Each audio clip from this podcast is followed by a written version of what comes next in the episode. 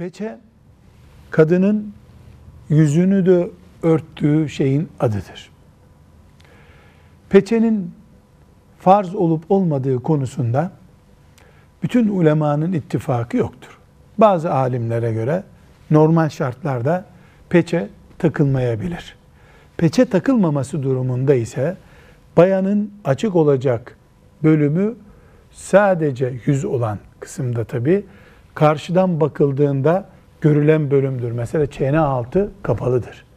Yüz şu çene üstünden alna kadar olan kısımdır. Bu bölümü örtmek bazı alimlerimize göre farzdır, bazılarına göre farz değildir. Dolayısıyla evlendiğinde eşi peçe takmamasını istiyorsa bu bir haram gibi algılanmamalıdır.